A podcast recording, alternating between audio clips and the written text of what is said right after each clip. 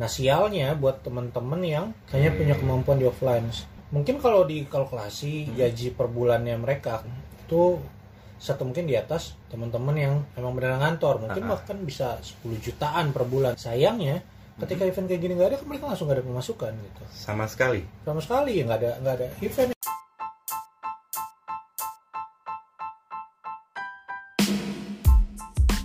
Ya, cek cek 123 balik lagi di podcast You Report yang bertajuk obrolan pulang kantor. Eh, ini adalah episode kedua di season kedua juga. Eh, kali ini gue bakalan ngobrol bareng apa ya? Eh, dia ini bisa gue sebut sebagai mentor gue, juga temen juga yang sering ngasih kerjaan ya mas ya. Alhamdulillah. Alhamdulillah. Ya ini adalah uh, Stefanus Wibawa. Oke mas, nih kemarin gue di episode pertama gue ngobrol sama uh, temen gue yang kebetulan ya lu juga kenal gitu. Iya. Uh, dia kebetulan nggak ada di Indonesia, dia ada di uh, Eropa sana. Dan kemarin gue ngobrolin banyak banget tentang gimana sih kerja di sana gitu dan gimana uh, waktu dia kerja di sini ibaratnya kayak comparison aja gitu loh Gimana tuh? comparison antara uh, ngantor di Indonesia atau di Jakarta dengan dia ngantor di uh, negaranya yang sana. Kebetulan dia ada di Polandia.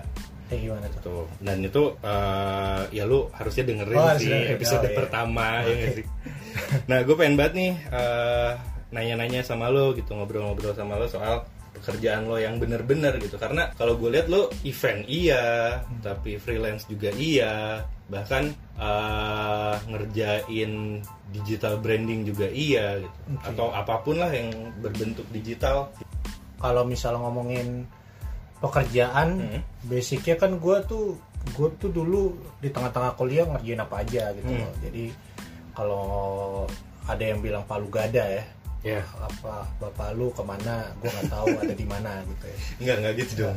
Lalu gak ada, apa lu mau gue ada kan? Iya. Oke. Nah, eh, tapi semakin ke sini gue semakin mengerucut dan Hmm. gue mulai state secara profesional bahwa apa sih bidang yang gue sajikan kepada Hmm. klien, kepada eh, orang-orang yang membutuhkan jasa gue. Hmm, Dua bidang yang yang gue jalanin hmm. itu basicnya semua di komunikasi, yaitu Komunikasi. event Ah, dan digital activation. Oke. Nah, event ya semua orang tahu ya Hmm. eh, event seperti apa karena kalau gue jalan event pecah telur gue di 2004 Wah jauh banget ya. gue pertama kali ya terjun Berarti di itu event masih kuliah ya? Eh, itu enggak dong gue tua banget kalau kuliah 2004 itu SMA gue SMA Oh. Eh, ya biasa pensi lah itu Pensi. pertama kali cuman gara-gara di situ gue terbuka untuk kemudian iseng-iseng jadi volunteer Hmm. iseng-iseng jadi freelance yang Hmm. panggil harian untuk di event-event nah dari situ mulai gue ngerasa kalau ternyata ini passion gue nih gue suka nih event. Ngerjain event atau ngerjain event Ngerjain terlibat event. Hmm. di event mulai dari proses eh, apa namanya pra produksi Hmm. produksi sampai pasca ya jadi Hmm. itu menurut gue sangat menarik gitu menariknya? menarik menariknya itu ada ya yang gue suka adalah ri, riuh riuhnya ribet ribetnya tuh malah gue suka. orangnya emang suka Emang ribet. suka ribet ya. Jadi eh, kayak mulai dari konsep di situ gue berimajinasi Aha. gitu.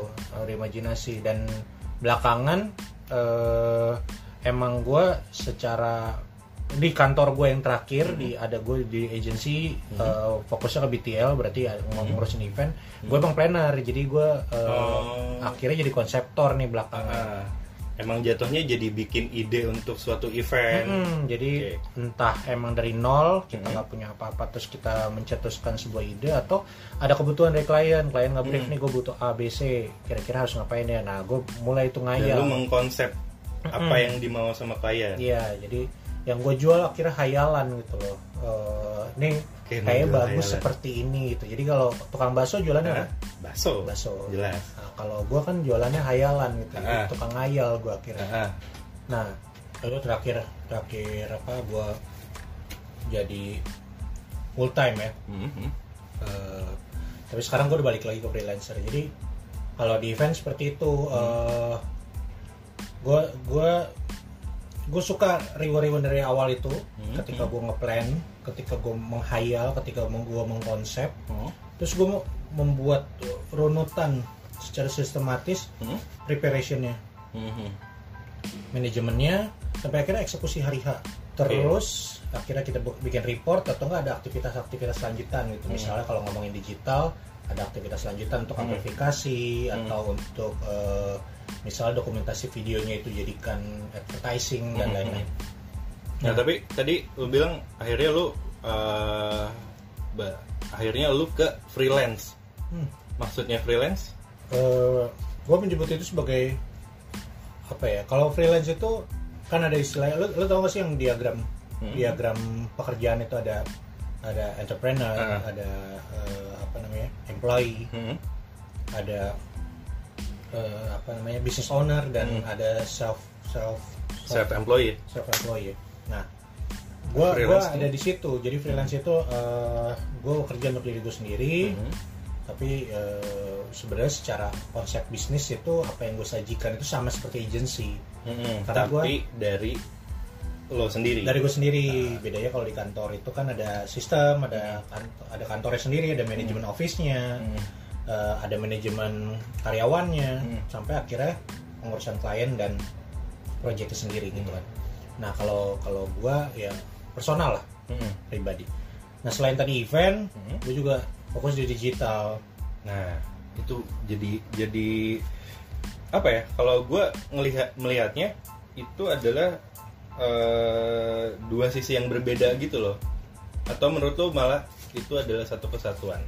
Sebenarnya sama itu kalau menurut gue satu eh, apa ya komplementari ya jadi Oh. saling melengkapi gitu Heeh. Tapi bidangnya benar-benar berbeda jauh kan? Hmm, ya, jadi intinya gini. Kenapa digital? Sebetulnya kalau digital itu gue kecemplung Hmm. 2012, 2000, 2013 gue lupa Hmm, gitu, hmm. pastinya. Itu gue jemplung, gue eh, bantuin apa nyemplung ke satu proyek besar Mhm. eh, pemerintah. Nah dari situ gue belajar banyak tuh. Itu digital. Hmm. Basic awalnya cuma gara-gara gue waktu itu jadi penulis ghost ghostwriter. Oke. Jadi ada sekitar 2011 2010 itu Mhm. gue sempat banyak nulis di untuk satu website Heeh. beberapa blog juga yang gue jadi penulis tanpa hak tanpa, Tanpa identitas nama. ya. Oke. Jadi gue menulis banyak di situ. Basicnya itu doang awalnya. Nah kemudian 2013 atau 2012 itu gue dapat kesempatan untuk masuk ke proyek itu. Hmm. Di situ gue digembleng gak bisa-bisa Digemblengnya dalam arti dalam teknis Ah. pengetahuan tentang digital segala macam jadi saat gua keluar dari sana kebetulan itu konteksnya ke politik ya Hmm. saat gua keluar dari sana gue langsung bisa masuk ke agensi politik Hmm. jadi gue langsung nempel tuh sama beberapa tokoh politik yang nah gue servisnya balik lagi ke digital waktu itu Dan berarti basic lo nulis atau ya kalau dari tadi lo bilang lo senang berimajinasi dan senang bikin konsep itu juga kepake di dunia digital. betul Oke. Terus terus sebetulnya basicnya nulis sih sebetulnya basicnya nulis. Oke, walaupun oke. kalau sekarang Mhm. kemampuan berstruktur penulisan udah gue rasa mulai menurun juga cuman Mhm. Eh, secara konteks orang kan sekarang nggak terlalu suka juga ya Hmm. tulisan panjang-panjang gitu maunya pointer pointer apalagi pointer. baca gitu. Hmm. Orang lebih senang yang visual lah sekarang. Hmm, nah akhirnya ya udah gue sendiri juga menyesuaikan. Mhm. kayak misalnya kalau bikin konsep di event itu kan bentuknya juga pointers pointers Mhm. bentuknya kayak ada kata-kata cuman kayak headline headline doang Oke. gitu nah eh, dengan kemiripan itulah yang bikin bikin menurut gua ini dunia sebenarnya satu komplementari sama-sama sama saling isi saling ngisi ya Hmm. antara event dan digital Dan itu digital. sendiri. Nah, kalau di kondisi yang sekarang nih, kan kemarin gue juga ngomongin ngomongin uh, sama Irul tuh gue ngomongin uh, soal kerja di sana dan kerja di sini. Hmm. Tapi uh, di kondisi yang seperti sekarang, eh, yang seperti sekarang ya semua orang pasti tahu sekarang tuh seperti apa gitu ya kita tidak bisa Di leluasa pandemi ini ya Ah, di pandemi ini kita nggak bisa leluasa kerja ini itu apalagi tadi basic lo adalah event gitu. Iya, iya. tapi lo juga punya kemampuan di digital Betul, ya.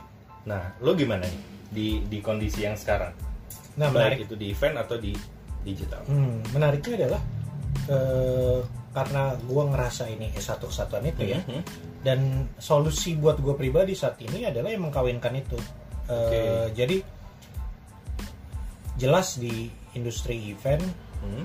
lagi kepayahan kalau konsep ap- kalau konteks yang kita lihat tentang event itu berupa offline ya Offline, jadi kalau kita ngomongin konser Mm-mm. kita ngomongin eh, conference.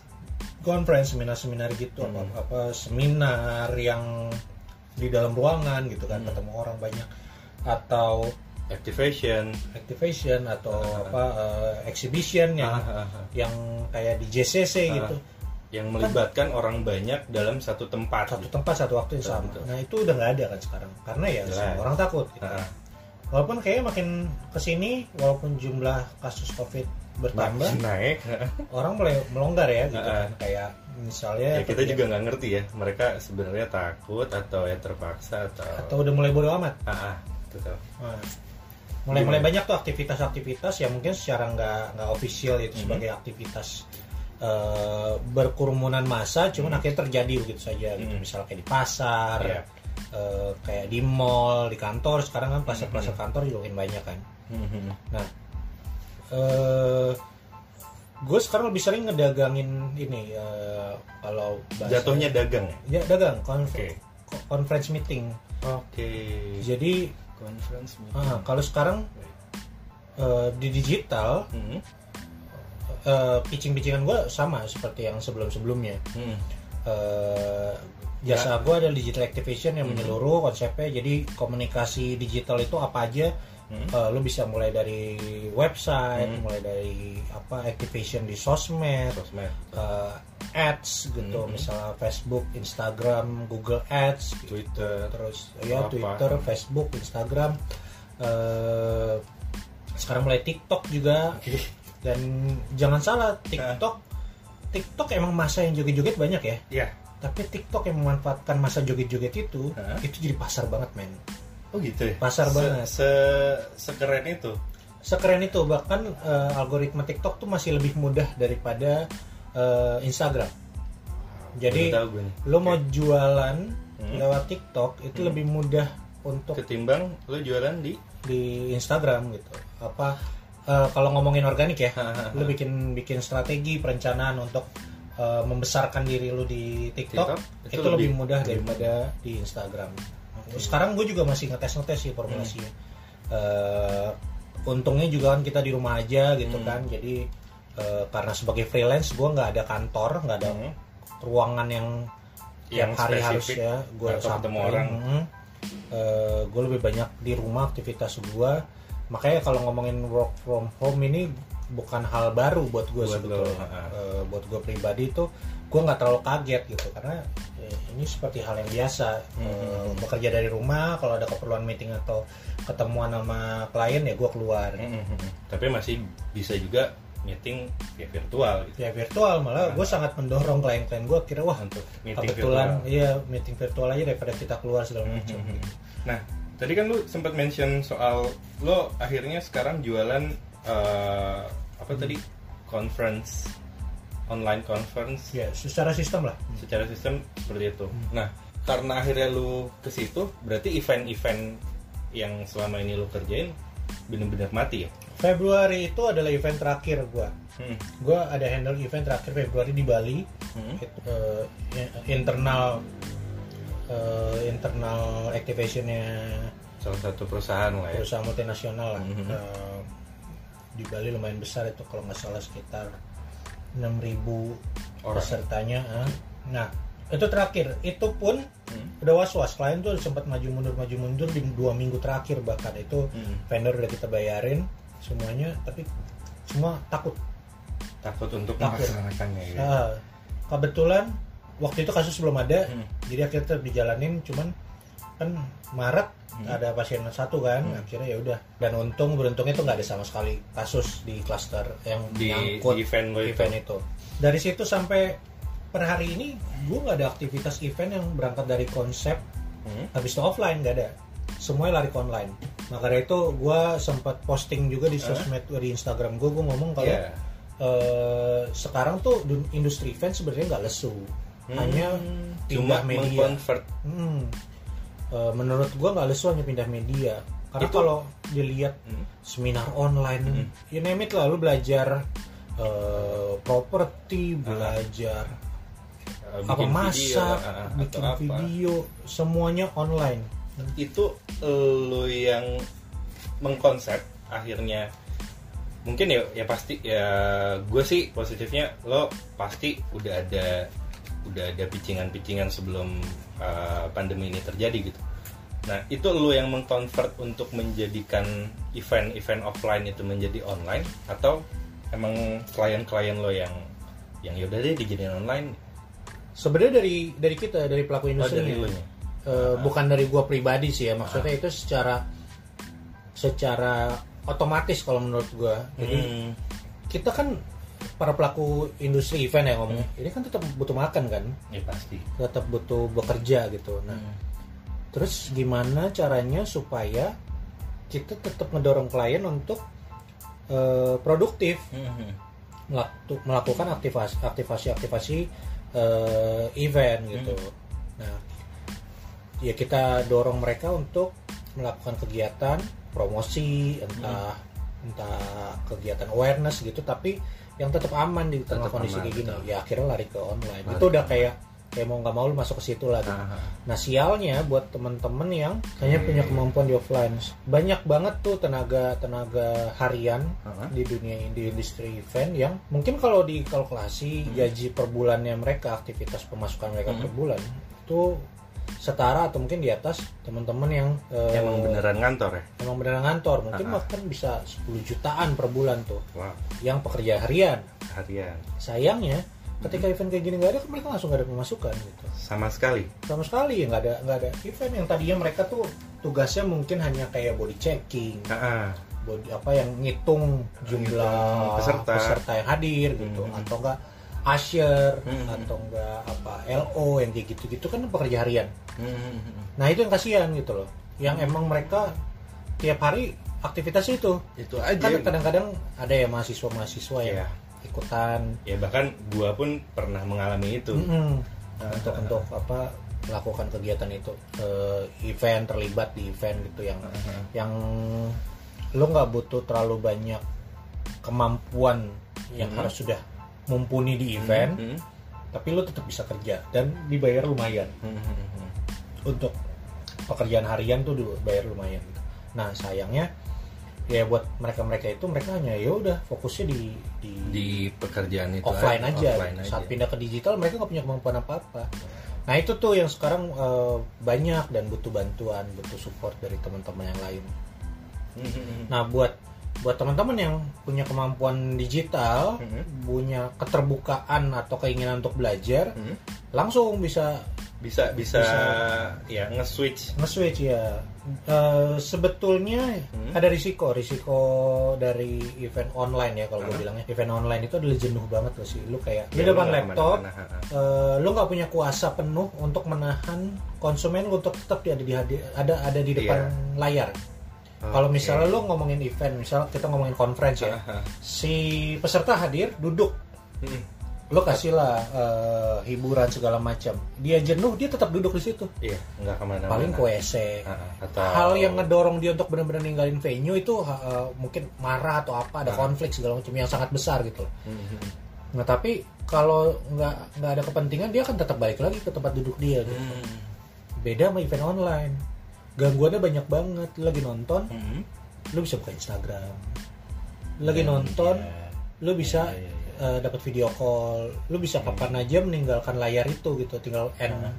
end- tinggal tinggal live gitu kan. Live meeting udah selesai gitu. Nah itu tuh jadi jadi jadi tantangan tuh kalau yang buat sekarang. Wow.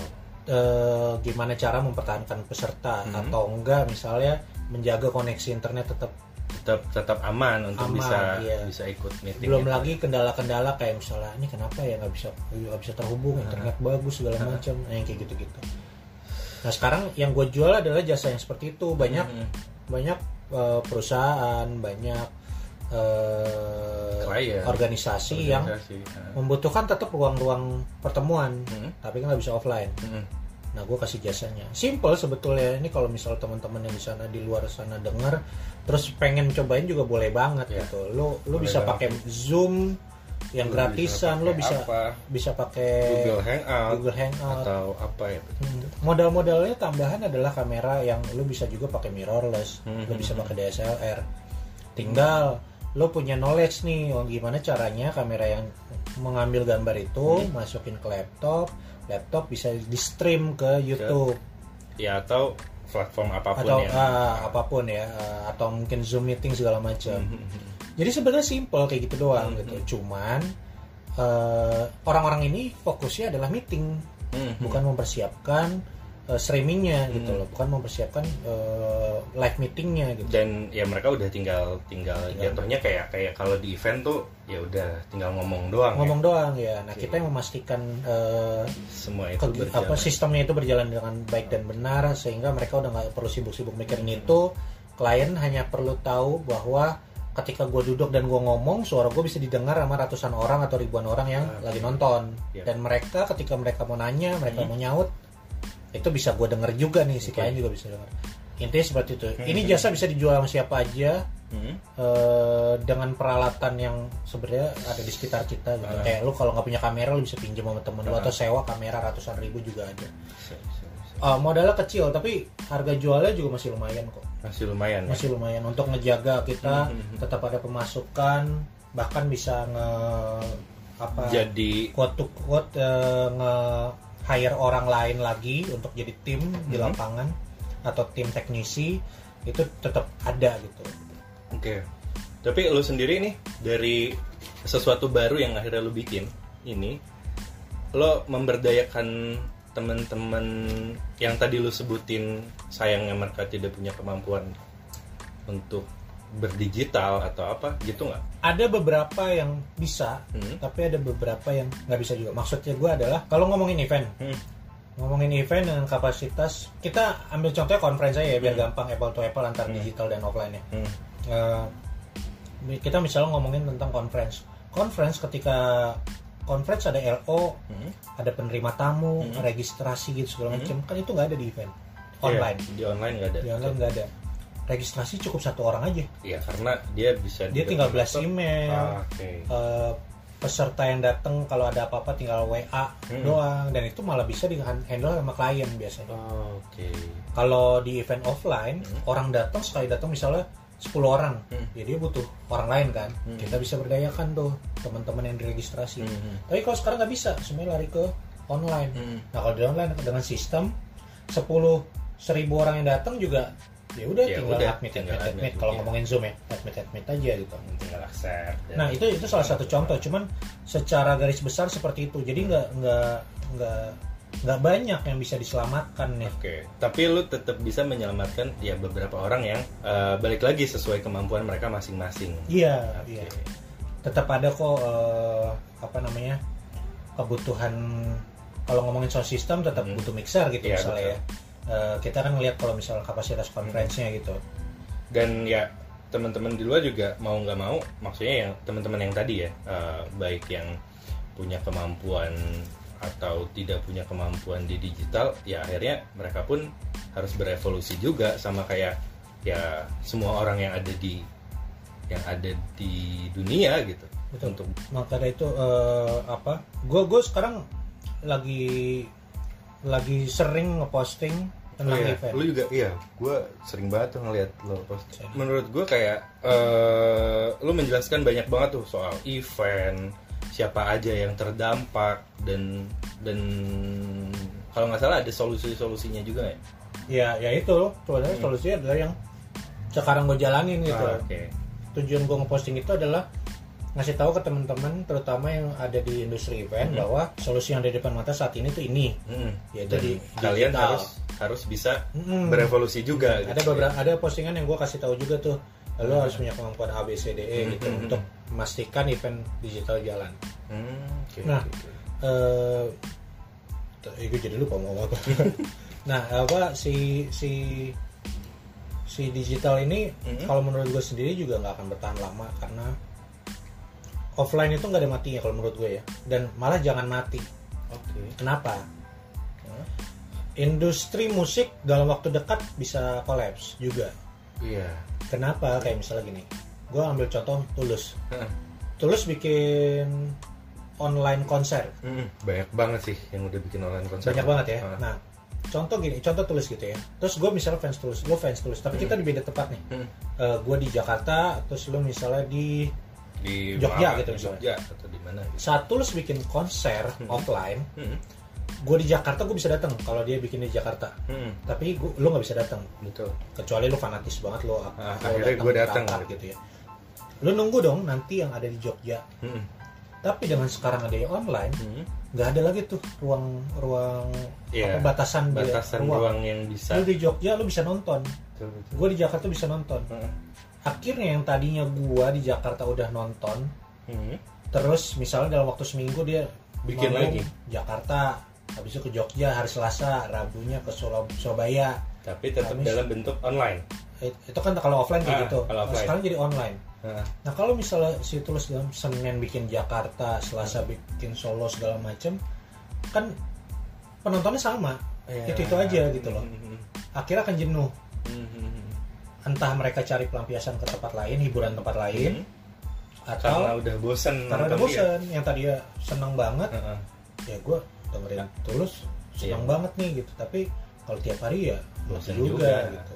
Iya, nah iya, kayak iya, gitu. iya. Itu satu tuh baru ngomongin tentang batasan ruang yang terben yang tadinya orang tidak bisa menggapai tulus Mhm. akhirnya jadi bisa Mhm. dan semuanya akhirnya jadi jadi nggak menantikan dalam tanda petik. Jadi nggak eksklusif lagi. Hmm, Nah terus Oke. si tulus itu jadi punya saingan baru. Dia nggak Hmm. hanya bersaing dengan artis-artis Mm, eh, entah yang emang kompetitornya dia, Mhm. bisa ngomongin tulus siapa sih ya, Vidya Aldiano ya, Ah, Afgan. pamungkas deh sekarang yang Iya, lagi- pamungkasnya kayak gitu-gitu. Ah, Sekarang dia bersaing sama dirinya dia sendiri. Oke. Tapi 10 tahun yang lalu. Eh, gue gak tau tulus udah ada sebelum sih. Ah, ah, ah, Eh, misalnya 2012. ah. Kalau nggak salah album pertamanya 2012 ya. Iya, 2012. dia bersaing 2014. sama sama dirinya dia sendiri. Sekarang kalau misalnya orang yang yang ya di tengah pandemi gini Ah, orang ditawarin ayo nonton konser online ah. rasanya akan sama ketika dia nonton konser tulus di rekaman Java Jazz gitu misalnya Iya. tahun Iya, betul. 2019 atau 2018 Betul, gitu betul, betul, betul. apa bedanya. Nah itu itu akhirnya jadi tantangan buat teman-teman kreator ini untuk teman-teman apa artis ya penyanyi musisi atau stand up comedian segala macam untuk memberikan value Baru. baru atau value lain yang bisa harus bisa mereka tawarkan sehingga ngedorong orang gue harus ikutan nih buat yang konser ini nggak udah pikiran bersaing sama ru- ruang apa Iya, kebosanan Kebosanan fansnya.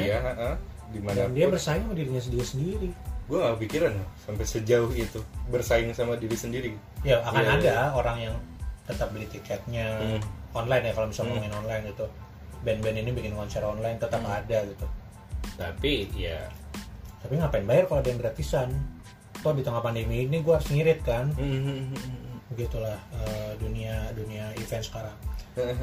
Tapi ah gue satu lagi nih ada ada pertanyaan. Gue gue nggak tahu lo eh, atau teman-teman lo yang lain? Oh kenal per- ya siap. Atau teman-teman lo yang lain pernah mengalami atau enggak? Yang kayak beberapa bulan lalu kita sempat kolaps banget kan? Maksudnya semua pekerja mau kantor mau mau lo di bidang event atau teman-teman yang lain di bidang event itu sempat kolaps yang kayak eh, namanya layoff lah atau pemotongan gaji lo jadi setengah. Gitu. menurut lo lo lo punya punya solusi atau nggak punya punya saran gitu maksudnya ya ya kita ya harus harus nerima aja udah gitu. apa nih untuk untuk kondisi untuk kondisi yang kayak, kayak sekarang kalau menurut gue kelihatan ya secara umum tuh Hmm? ketika yang tadi lu ngomong layoff atau Hmm. pemotongan gaji atau lain sebagainya itu adjusting Eh, orang-orang tuh lagi menyesuaikan diri dengan kondisi yang baru ini gitu Hmm. Eh, wah eh, orang-orang pada nggak berani keluar Hmm. konsumsi menurun secara umum iya sedangkan kita nggak tahu nih nggak ada nggak bisa memprediksi ini sampai kapan Mm-mm. Atau dan kebutuhan juga harus tetap jalan kebutuhan dasar manusia untuk konsumsi makan segala macam tetap jalan gitu Mm-mm. jadi gaji harus tetap ada pemasukan harus tetap ada sedangkan kalau misal ngomongin di event atau di digital bahkan eh, sempat ada masa juga di digital klien-klien tuh stop untuk untuk beraktivitas digital karena mereka nggak tahu nih kalau gue alokasiin dana yang tadi ke event ke digital semua misalnya gitu Hmm. Terus tetap berjalan apakah produk gue tetap ada yang beli Oke. gitu karena karena semua orang takut gitu Padahal harusnya emang uh, promosi lewat digital itu jauh lebih works. itu benar pindah ke digital itu solusi Mm. Eh, cuman pada waktu itu tuh masih ya itu balik lagi kan Ketakutan. semua strategi apalagi kalau ngomongin perusahaan yang udah makin besar ya makin, Hmm. makin established dia tuh semakin semakin banyak yang dipertimbangkan Hmm. jadi eh, wajar kalau misalnya mereka takut jadi banyak banget perusahaan tuh yang nahan duit nahan cash mereka nih gue nggak nggak nggak ngeluarin dulu gitu Bahasa kasarnya lebih ke takut uangnya habis Mm-mm, karena takut promosi itu. iya sedangkan Oke. belum tentu ketika melakukan promosi Itu akan menjamin uh, ada duit masuk Ada gitu duit masuk, produk iya, iya, laku iya. di pasar gitu Hmm. itu belum tentu gitu ini kita ngomongin Paham, beragam paham, ya paham. Iya. apa berbagai industri ya Uh, ada sempat ketakutan kayak gitu uh, stok cuman kalau untuk digital nggak begitu lama Mhm. beda sama event untuk kita meyakinkan klien kita untuk eh lu tetap bisa bikin Ah. event loh tapi Mm-mm. konsepnya ke online nih Iya. gitu itu lumayan lama tuh karena si klien juga nggak tahu kalau di event apakah akan works dan dan nggak ada nggak ada portofolio sebelumnya dari Eh, dari sisi klien ya. Dari kalau misalnya klien. kebetulan kalau gue pribadi gue ada digital juga Hmm. kemampuan gue di digital. Jasa yang gue tawarkan ke klien atau ke umum itu digital. Jadi gue punya beberapa Oh, bukti oh, gitu. jadi portofolionya. eh, kalau gue buat gue pribadi nggak terlalu mudah. Bahkan portofolio gue juga dipinjam akhirnya sama teman-teman gue yang Oh. yang event gitu yang Hmm, eh staff boleh nggak yang itu? Nanti eh, lu Gua support jadiin, project ah. gue juga gitu oke ya nggak apa-apa nggak masalah gitu intinya adalah si ketakutan klien tuh sempat ada masanya cuman kalau untuk di event Hmm. emang rada rada lama rada lama ya si klien untuk untuk percaya yakin nah Nah, untuk ya. ini kayak kita harus bisa bisa nih jalan ke digital gitu mungkin Hmm. baru habis psbb kali ya, habis psbb yang pertama berarti itu. baru sebulan ini ya berarti iya mulai gencar-gencar ya Mulai gencar-gencar. sebelum sebelumnya udah ada klien-klien yang ya udah kita langsung digital itu Hmm. pun juga ada cuman secara umum emang seperti itu karena ya kita nggak bisa memprediksi kan ke depan balik lagi seperti ke produknya juga apa produknya dia kan Hmm, gitu betul Oh, right, gitu. right, Jadi kalau misalnya si klien produk emang gampang diserap sama masyarakat atau apalagi dia sudah terbiasa digital, Hmm. udah langsung langsung dia dia nggak akan ragu lagi untuk Mm-mm. bisa nge-switch ke Iya. digital iya iya iya. work from home juga juga gue nggak tahu deh kalau buat teman-teman yang lain ya kalau gue sebagai freelancer eh, WFH ini WFH ini mengganggu gue di proses administrasi pembayaran oh karena sebegitunya? eh, teman-teman apa eh, jatuhnya klien lo keuangan klien yang- itu kan ah. pada di rumah kerjanya ya jadi iya iya iya iya. jadi invoice gue lama banget cairnya gitu efeknya jadi ke situ ya sebenarnya walaupun sebenarnya kerjaan lo tuh nggak terganggu kerja nggak ganggu secara di eh, karena lo per- ke- eh, pekerjaan lo itu di Hmm. tapi pembayaran digital tetap apa Itu nggak ke delay pembayaran yang ke delay Hmm.